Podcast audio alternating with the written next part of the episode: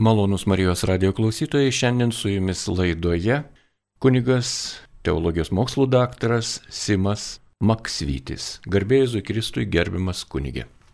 Amžius samin.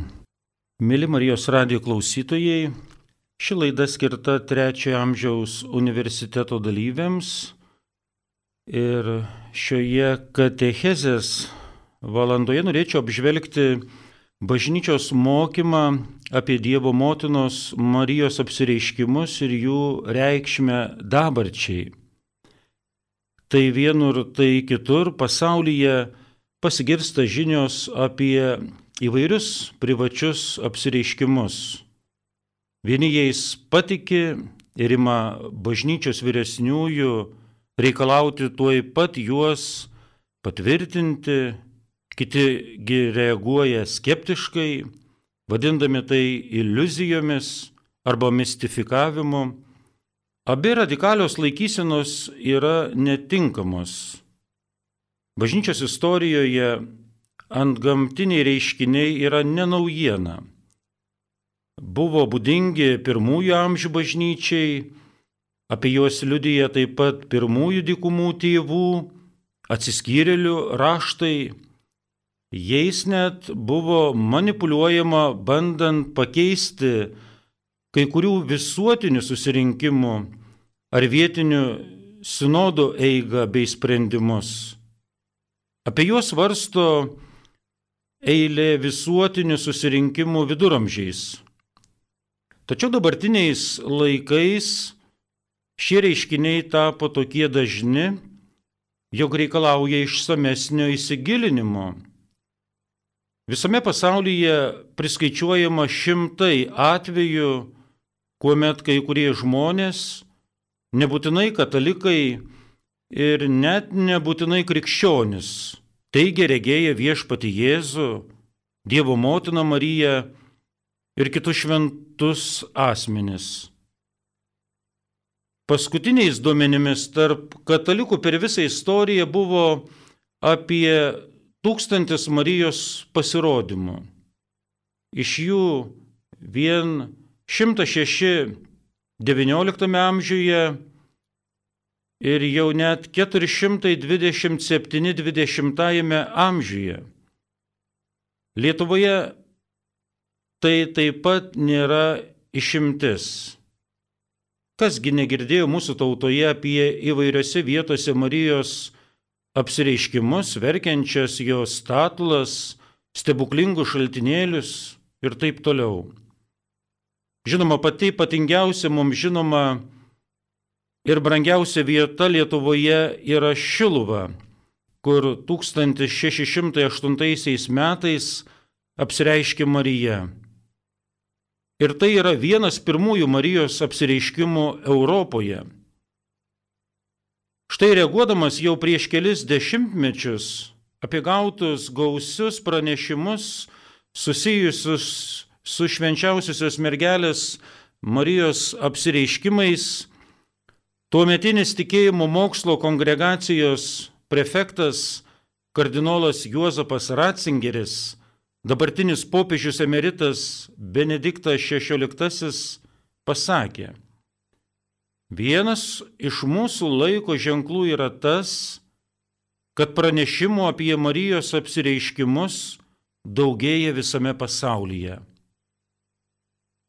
Visai natūraliai klausime, ar tikrai yra tie apsireiškimai, kas už jų stovi ir kokią poziciją jų atžvilgių turėtų užimti mes, krikščionis katalikai.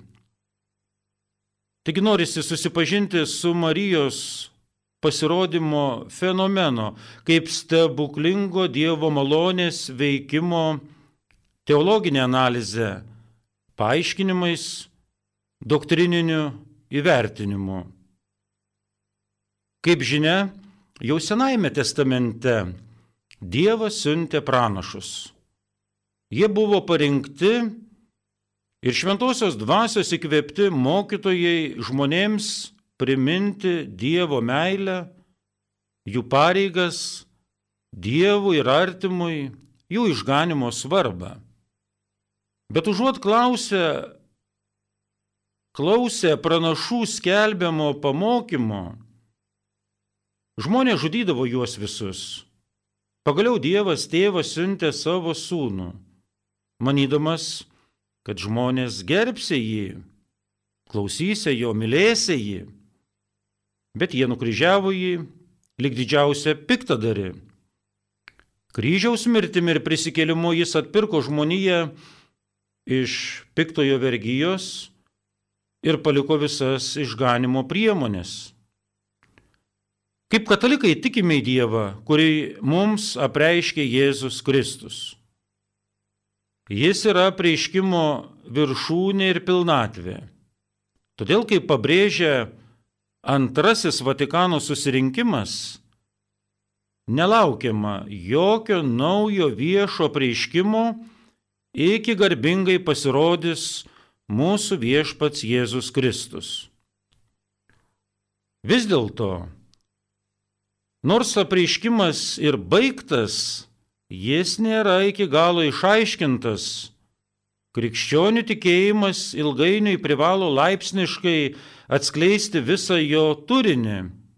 Vėl apie tai kalba Katalikų bažnyčios katekizmas. Bažnyčia yra pastatyta ant apaštalų pamato. Tai reiškia, jog apaštalų laikais bažnyčia sudarė vienybėje su jais esantis tikintieji, vadovaujami apaštalo Petro ir priimantis iš jų Kristaus žodį. Religijų istorijoje įregistruota įvairių pasakojimų apie pasirodymus. Senajame ir Naujajame testamente pranešama apie Dievo pasirodymus, angelų ir mirusių žmonių pasirodymus.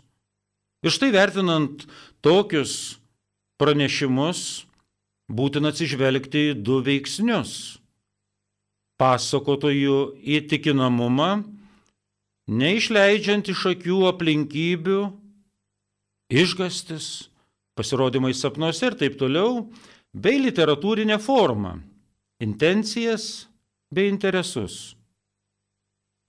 Kalbant apie pastarųjų dešimtmečių apsireiškimus, kurių kai kuriuose kraštuose įvyko kelias, kelios dešimtis, tik keli yra visiškai ištirti ir aprobuoti. Daug daugiau jų vietos vyskupai yra pasmerkti ir atmesti, o kai kurie tebėra tyriami.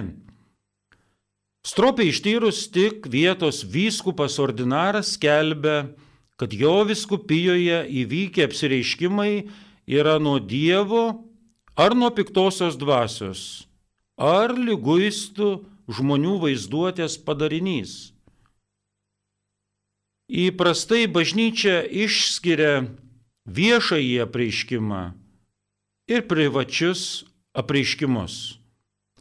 Tarp šių tikrovių yra ne tik kiekybinis, bet ir kokybinis skirtumas. Viešasis apreiškimas reiškia Dievo apreiškimą, skirtą žmonijai, įgavusi literatūrinę Biblijos formą ir besiskleidžianti per bažnyčios tradiciją.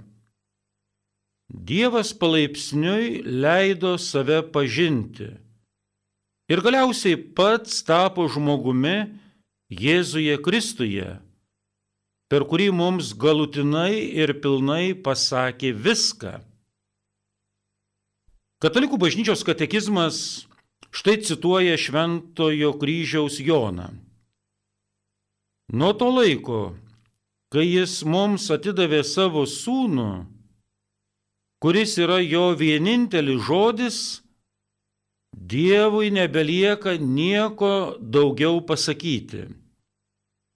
Tuo vienu žodžiu jis mums pasakė iš karto viską Nes ką jis anksčiau buvo sakęs pranašams dalimis, jis viską pasakė savo sūnuje, mums atiduodamas viską, savo sūnų. Dėl to tas, kuris dabar dar klausinėtų viešpatį, ar lauktų iš jo vizijos ar apreiškimo, ne tik elgtųsi kvailai, bet ir įžeistų Dievą, nežvelgdamas vien į Kristų, o ieškodamas dar ko nors kito arba kokių nors naujovių. Tai nereiškia, jog bažnyčia visiškai atsiriboja nuo jų.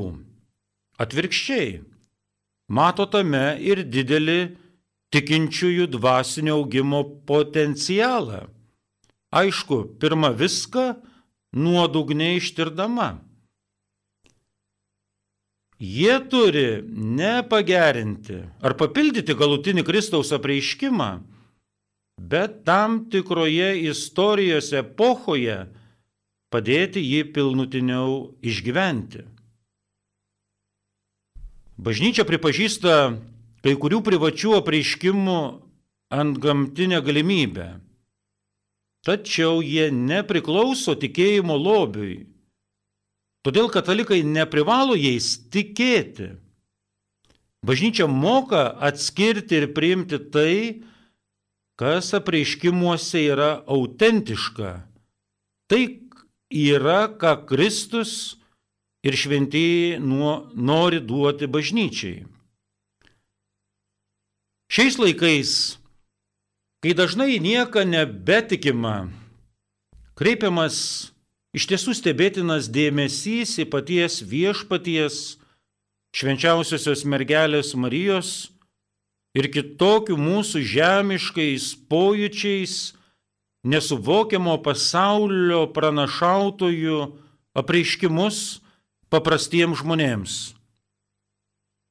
Šie pranešimai, arba kaip jie yra vadinami, privatus apreiškimai, kelia didžiulį susidomėjimą ne tik tarp katalikų, bet ir tarp netikinčiųjų ir daugelio mokslininkų, kurie patys nenori tuo prisipažinti. Pranešimai apie verkiančias Madonas, stebuklingus fizinius išgyjimus, pranašystes ir dangaus įspėjimus apskritai dvasininkijos atstovus erzina, glumina. Jie žiūri į tai skeptiškai. Taip yra todėl, kad dažniausiai apie tokius realius ar įsivaizduojamus įvykius skelbia jautrus arba šiek tiek sutrikusios vidinės pusiausviros asmenis. Ar privalome žiūrėti šiuos pranešimus kaip į naują prieiškimą, penktąją Evangeliją, Naujojo testamento postscriptum? O gal tai tik nesąmonės prietarai? Šis klausimas tampa dar opesnis pažvelgus į privataus apreiškimo istoriją. Nesusipažinusius su tikrais ar tariamais privačiais apreiškimais gali ne vieną tiesiog išmušti iš vėžių, o reakcija juos gali pakeisti visą jų gyvenimą, nes tokie asmenys neturi priemonių, kad galėtų įvertinti tariamus apreiškimus pasirinkti galimą atsaką. Imant kaip pavyzdį, pastaruoju metu daugeliui apreiškimų Medžiugorėje entuziastų kelia siauba griežtas vietinio vyskupo požiūris į visą tai. Nepriklausomai nuo to, ar šiuos apreiškimus bažnyčia priima ar atmeta, Toks sažiningai ir nuosekliai reiškiamas vyskupo požiūris yra itin svarbus šios istorijos momentas. Jeigu šie apreiškimai galiausiai bus įvertinti kaip tokie, kuriuos galima laikyti autentiškais, tai daugiausia, ką gali padaryti bažnyčia. Vyskupo įtarumas tik padidintų jų tikimumą. Antra vertus, jeigu jie bus atmesti, vyskupas išgelbės bažnyčią iš keblios padėties.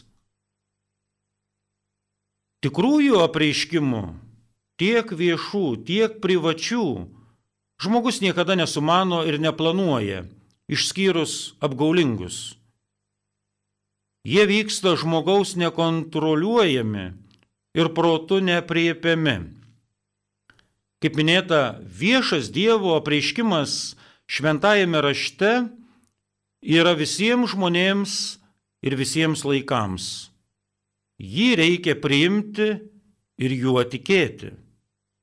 Tiksliai tariant, viešas apreiškimas baigėsi su apaštalų amžiaus pabaiga. Vis tik viešo apreiškimo pabaiga anaip tol nereiškia, kad Dievas nebeatsiveria savo vaikams.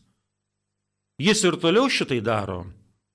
Tačiau dabar netiesiogiai, vadinamaisiais privačiais apreiškimais, taip pat ir kitokiais Dievo apvaizdos būdais. Garsus teologas Karlas Raneris pateikia štai tokį gana naudingą paaiškinimą, kuo skiriasi viešas ir privatus apreiškimas. Bažnyčios tradicija ir praktika. Maldos, bažnyčios pranašai ir pripažinti mystikai sukuria tikro privataus apreiškimo prielaidas. Ir dar viešo apreiškimo pabaiga po paštalų mirties neturi būti suprantama taip, kad nuo tol Dievas nutyla ir pasitraukia ir iš individualaus, ir iš viešo gyvenimo. Gilinantis į apreiškimų galimumą, kyla kitas klausimas. Būtent Ar esama nuoseklių nuostatų, kuriomis remdamiesi galėtume vertinti skelbiamus apreiškimus? Tikrai esama gerai apgalvotų taisyklių, kad galėtume vadovautis privačiu apreiškimu besidominčiam asmeniui. Amžių bėgyje šias taisyklės kūrė ne tik dvasiniai vadovai ir mistinių reiškinių tyrėjai, bet ir popiežiai. Esminis privačių apreiškimų teologinio tyrimo tikslas yra dieviško apreiškimo šviesoje atpažinti dvases, nustatyti, kas už tų reiškinių stovi - Dievas ar Šetonas. Jėzusgi perspėjo savo mokinius Sergėkitės netikrų pranašų, kurie ateina pas jūs avių kailyje, o viduje yra plėšrus vilkai. Jūs pažinsite juos iš vaisių. Apie tai kalba Mato Evangelijoje septintasis skyrius. Taigi bažnyčios ganytojai nurodė kai kurias gairias Jau Laterano penktasis visuotinis susirinkimas 1516 metais nustatė, jog visi įkvėpimai, regėjimai ir pranašystės turi būti apaštalų sosto ištirti kanoninio proceso keliu, kurį pradėtų ordinaras, sudarydama švento gyvenimo ir patyrusių žmonių komisija. Visoms apgaulėms susirinkimas uždėjo griežtą bausmę, tai yra popiežiui rezervuota ekskomunika. Vėliau Tridento visuotinis susirinkimas 1563 metais nutarė, jog apreiškimus ir ant gamtinius reiškinius turi įvertinti ordinaras, jog joks naujas stebuklas negali būti patvirtintas be jo pritarimo. Ir jei vyskupas įsitikino minėtų dalykų tikrumu, pasitaręs su patyrusiais teologais ir pamaldumu pasižyminčiai žmonėmis, gali aprobuoti, tai yra patvirtinti. Svarbu, kad tai neprieštarautų tiesai ir maldingumui. Oficialus pasirodymų statusas Romos katalikų bažnyčioje nebuvo aiškiai apibrieštas iki pat popiežiaus Benedikto XIV-18 amžiaus vidurio, kuris išleido traktatą De Servorum Dei Beatificacione, kuriame pažymima, jog Romos katalikų bažnyčia pritarimas specialiems tai yra privatiems apreiškimams, gali duoti, kurie apima ir pasirodymus, tik tai po atsargaus tyrinėjimo, ištyrimo. Galiausiai 1978 metais tikėjimo mokymo kongregacija išleido popiežiaus Pauliaus VI patvirtintą dokumentą kongregacijos normos, tariamų pasirodymų ir apreiškimų eigai nustatyti. Šis dokumentas sukoncentruotas ties Marijos pasirodymais.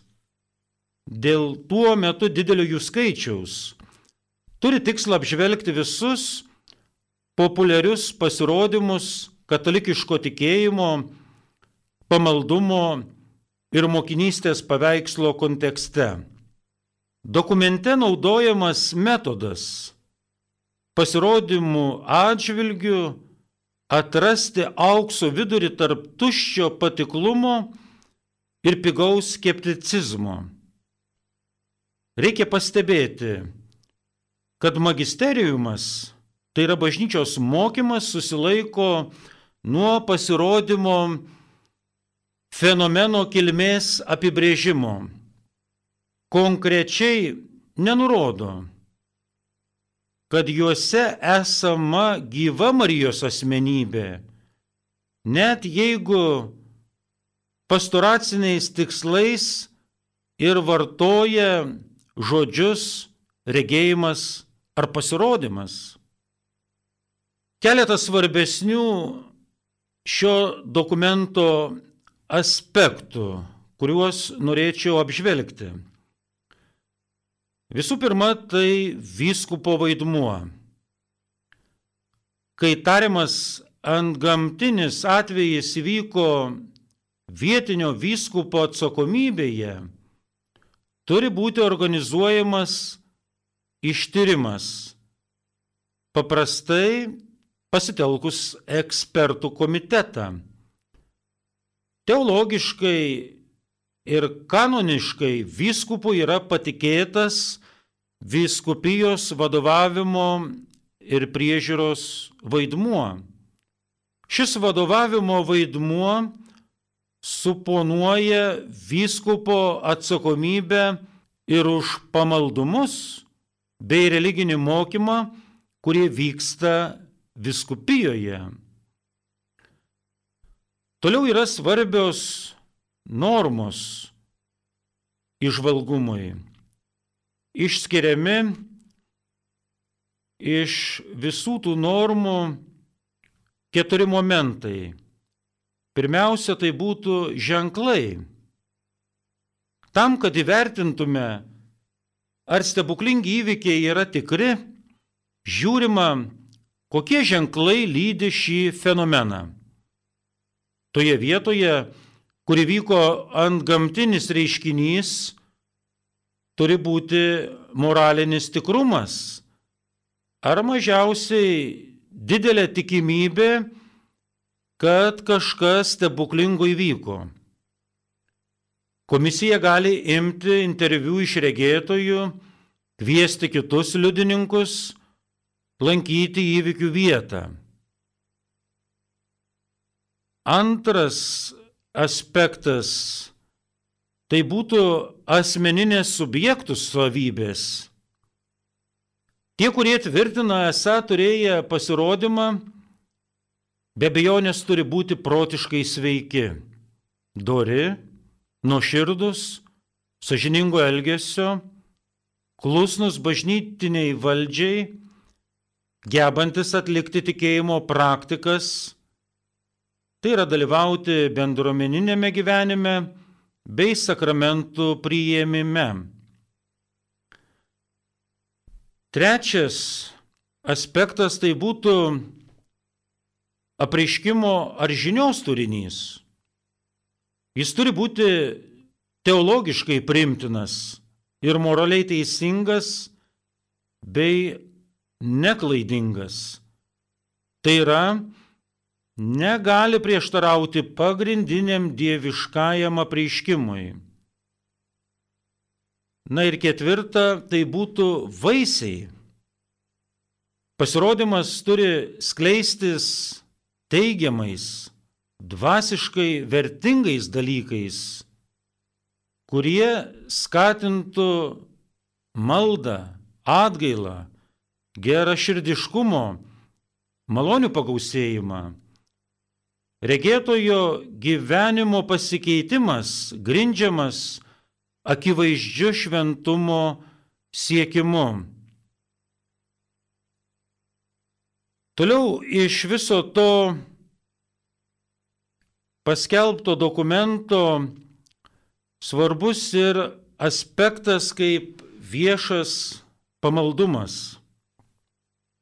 Visam tyrimui įprastai vadovauja vyskupas, kad nustatytų, ar viešas pamaldumas gali būti organizuojamas ir palaikomas tose vietose. Galimas atvejis, kad tyriamasis komitetas nusprendžia, kad šiuo laiku jis negali duoti nei aiškiai teigiamo, nei aiškiai neigiamo sprendimo. Jei klausimas yra vis dar tyriamas, vyskupas galėtų leisti viešą pamaldumą, bet tuo pačiu metu būdamas budrus, kad pamaldumas nepasireikštų iškreiptomis formomis. Na ir svarbus aspektas mūsų tikėjimo pagrindas. Taigi mūsų tikėjimas negali remtis privačiais apreiškimais ir pasirodymais. Net pasirodymų, kurie tinkamai aprobuoti, patvirtinti, atžvilgių tikintieji turi palaikyti deramą laikyseną, žvelgiant į juos kaip į pagalbą mūsų tikėjimui sukoncentruotam į centrinės apreiškimo tiesas - įsikūnymo, švenčiausiosios trejybės ir šventos Euharistijos. Rūpestingai ir smulkmeniškai tyriant apreiškimą, paaiškėja tikroji jų kilmė. Jei nors vienas iš šitų kriterijų yra negatyvus, privatus apreiškimas yra atmestinas. Jei visi kriterijai yra pastoviai teigiami, įgaliotas bažnyčios vyresnysis gali apreiškimą patvirtinti. Aišku, apreiškimai turi būti pasibaigę ir praėję pakankamai laiko, kad būtų galima stebėti vaisius. Taigi bažnyčios mokymo pasisakymas ir vertinimas apreiškimų klausimų, įskaitant ir Dievo motinos Marijos pasirodymus, ganėtinai kritiškas. Magisteriumas neskuba. Iškilus tokio pobūdžio naujų pasirodymų atvejams, aklai pulti ir pripažinti jų autentiškumą o net ir pripažinus, neteigia, jog šie autentiškais pripažinti pasirodymai yra dogmų lygio tikėjimo tiesos arba būtinas visiems tikėti reiškinys. Kalbant toliau apie Marijos apsireiškimus, visų pirma reiktų pabrėžti, jog jie gali būti teisingai suprantami tik žvelgiant į juos iš kristocentrinės perspektyvos. Bažnyčia visada mokė ir toliau skelbė, kad Dievas kad Dievo apreiškimas išsipildė Jėzuje Kristuje, kuris yra šio apreiškimo pilnatvė. Ir kad prieš lovingąjį mūsų viešpaties pasirodymą nereikia laukti jokio kito apreiškimo, kaip pabrėžia antrasis Vatikano susirinkimas. Žinoma, bažnyčia vertina privačius apreiškimus ir apie juos sprendžia pagal šio vienintelio apreiškimo kriterijų. Bažnyčia priima, tarkim, Fatimo žinę. Visų pirma todėl, kad ši žinia skelbia tiesą, o jos kvietimo esmė yra pačios Evangelijos tiesa ir kvietimas. Pirmiausia, reikia pažymėti, jog pripažintų Marijos pasirodymų žinioje nėra kažkokių naujų tikėjimo tiesų. Evangelijos pataisų ar moralinių normų pakeitimo. Marijos žinios ypatingumas dažniausiai slypi šios žinios turinio paprastume. Marija veda mus į malonės gyvenimą Kristuje ir iš šio gyvenimo spinduliavimo bažnyčioje.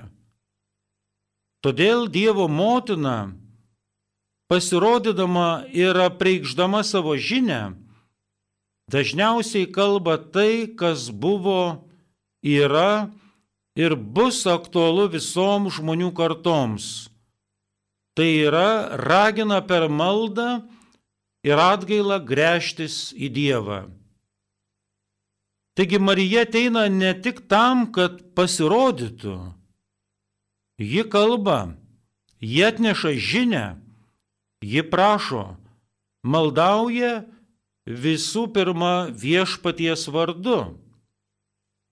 Čia ypatingų būdų kas kart girdimi trys žodžiai labai aiškiai parodantis jos prašymą.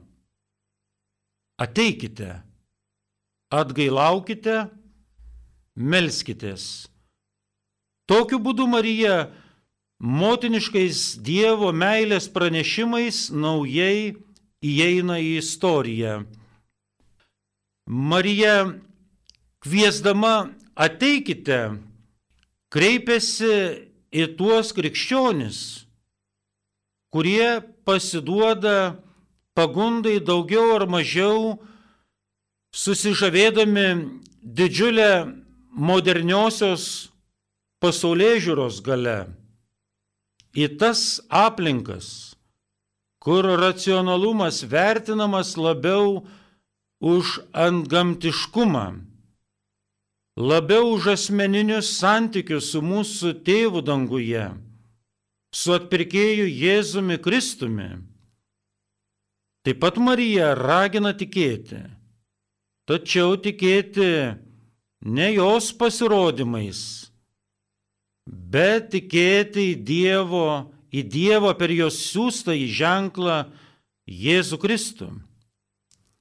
Ji kviečia tikėti į Dievą, kuris veikia istorijoje, kalba žmonėms užmesga ryšį su žmonėmis, išpildo savo pranašystes, kuris atsiskleidžia kaip tėvas, norinti susigražinti savo vaikus. Marija reikalauja gyventi tikėjimu, kuris būtų atsakas į dieviškąją prieiškimą. Jis kelbė ne teorinio tikėjimo poreikį, bet gyvą, veiklų, besireiškianti darbais tikėjimą, toks koks yra ir skelbiamas apreiškime. Marija pasitelkusi dieviškąją pedagogiką mus kviečia nuolankiai elgsenai prieš Dievą. Jis subtiliai primena žmogui, kad Dievo akivaizdoje nesigėdytų būti viską protu nesuprantantis ir apribotų žmogiškąją puikybę. Šis Dievo motinos šūksnis ateikite yra skirtas visiems žmonėms. Primindama tikėjimo reikalavimus bei raginimus, Marija sikiu kviečia mus dalyvauti su jie prisikėlusiojo Kristaus pergalėje. Toliau tardama, atgailaukite, Marija kviečia atsinaujinti širdimi, būti artimesniems vieni kitiems ir gyventi pagal viešpaties įsakus. Materializmo ir sekularizmo įtakos paženklintoje dabarties visuomenėje Marija parodo žmogui tikrąją jo esybę, leisdama atpažinti jam prieš Dievą pirmiausia kaip nusidėlį, kuriam reikia atsivertimo. Nuodėmės suvokimas bei prisipažinimas padarius ir darant klaidas yra pamatinė atleidimo ir išganimo sąlyga.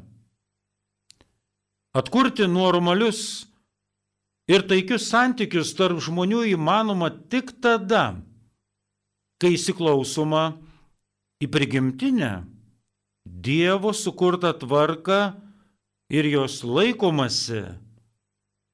Tik taip galime būti išganimo plano, kurį jis mums paruošė vykdytojais. Galiausiai, prašydama melskitės, Marija atrodytų prašo visiems tikintiesiems suprantamo dalyko. Tačiau maldos patirtis Marijos mintimi yra be galo turtinga, nes ji žino niekuo nepakeičiamą maldos galę. Juk malda žmogaus gyvenime yra raktas į prasme. Reikia taip pat atsiminti, kad apreiškimas turi stiprinti tikėjimą, viltį bei meilę. O tai yra kelias į išganimą. Tačiau privatus apreiškimas tam tikrų metų skatina, netgi nurodo kelią individams bei visai bažnyčiai. Kartais individui suteikiamas apreiškimas, kad juo pasidalytų ir su kitais. Štai Bernadeta Liurdė paskelbė gautą žinę ir pažadą. Po to šioje vietoje iš ties atsirado didi šventovė. Kartais privatus apreiškimas gali pakeisti net istorinius įvykius, kaip tai padarė šventoji Žana Dark, Prancūzijos šventoji globėja. Per vienus metus pakeitusi Europos istorijos vyksmą iki pat mūsų laikų. Arba štai Kotryna, šventoji Kotryna sienietė, paklususi suteiktam asmeniniam įkvėpimui, pakvietė popiežių Grigalio XI iš Avinjono ir taip išgelbėjo popiežiaus suverenumą nepriklausomybę nuo karaliaus valdžios. Taigi matome, jog negalime paneigti Dievo bendravimo galimybės su tam tikrais individais ir išliekančių šio bendravimo padarinių. Nors viešas apreiškimas įvyko prieš 2000 metų, kad išlaikytume būtent toje deramą perspektyvą draugė pravartu prisiminti, kad asmeniškai šioms moteriams šiai taigus apreiškimai buvo tik jų trumpo, tačiau turtingo įvykių gyvenimo epizodai. kiekvienu atveju esminis dalykas buvo šių jaunų moterų nepajudinamas tikėjimas, meilė, siekimas vykdyti Dievo valią, eiti keliu, kurį Kristaus Evangelija nurodė visiems, kas nori būti išganytas. Privatus apreiškimai naujai nusako kai kurias išganingas tikėjimo tiesas. Pavyzdžiui, Marijos nekaltas prasidėjimas. Arba siekia atgaivinti ir pagilinti dvasinį gyvenimą įvairiomis pamaldumo priemonėmis, rožinio malda, įvairios atgailos formos, švenčiausiosio Jėzaus širdies kultas ir taip toliau. Prisitaikant prie laikmečio poreikių duodant bažnyčiai naują dvasinį impulsą. Tų apreiškimų tikslas yra aktualizuoti Dievo prieškimą ir padėti žmonėms artėti prie Dievo. Tai yra jie skirti bendram bažnyčios gėriui. Taigi apibendrinant, galime daryti išvadą, kad Marijos pasirodymai atsiskleidžia Visų pirma, kaip Dievo ženklai mūsų kartai, kaip pranašiškas žodis mūsų laikui, kaip Dievo intervencija dabarties istorija, realizuota per motinišką Marijos vaidmenį.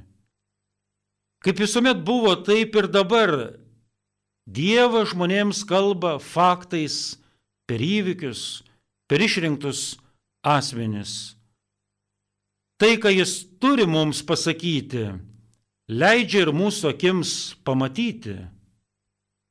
Pasirodydama Marija žodžiais, malda ir pavyzdžių moko savo vaikus melstis, aukotis, atgailauti ir atsiprašyti už tuos, kurie nenori priimti jo sunaus Jėzaus, jo mokslo jo bažnyčios. Taigi tiek būtų apžvalgos bendrai žvelgiant į tai, kaip reikėtų žvelgti ir vertinti įvairius ištinkančius bažnyčioje įvairius reiškinius, pasirodymus, apsireiškimus. Malonus radio klausytojai, su jumis šią valandėlę bendravo teologijos mokslų daktaras kunigas Simas Maksvytis. Likite su Marijos radiju.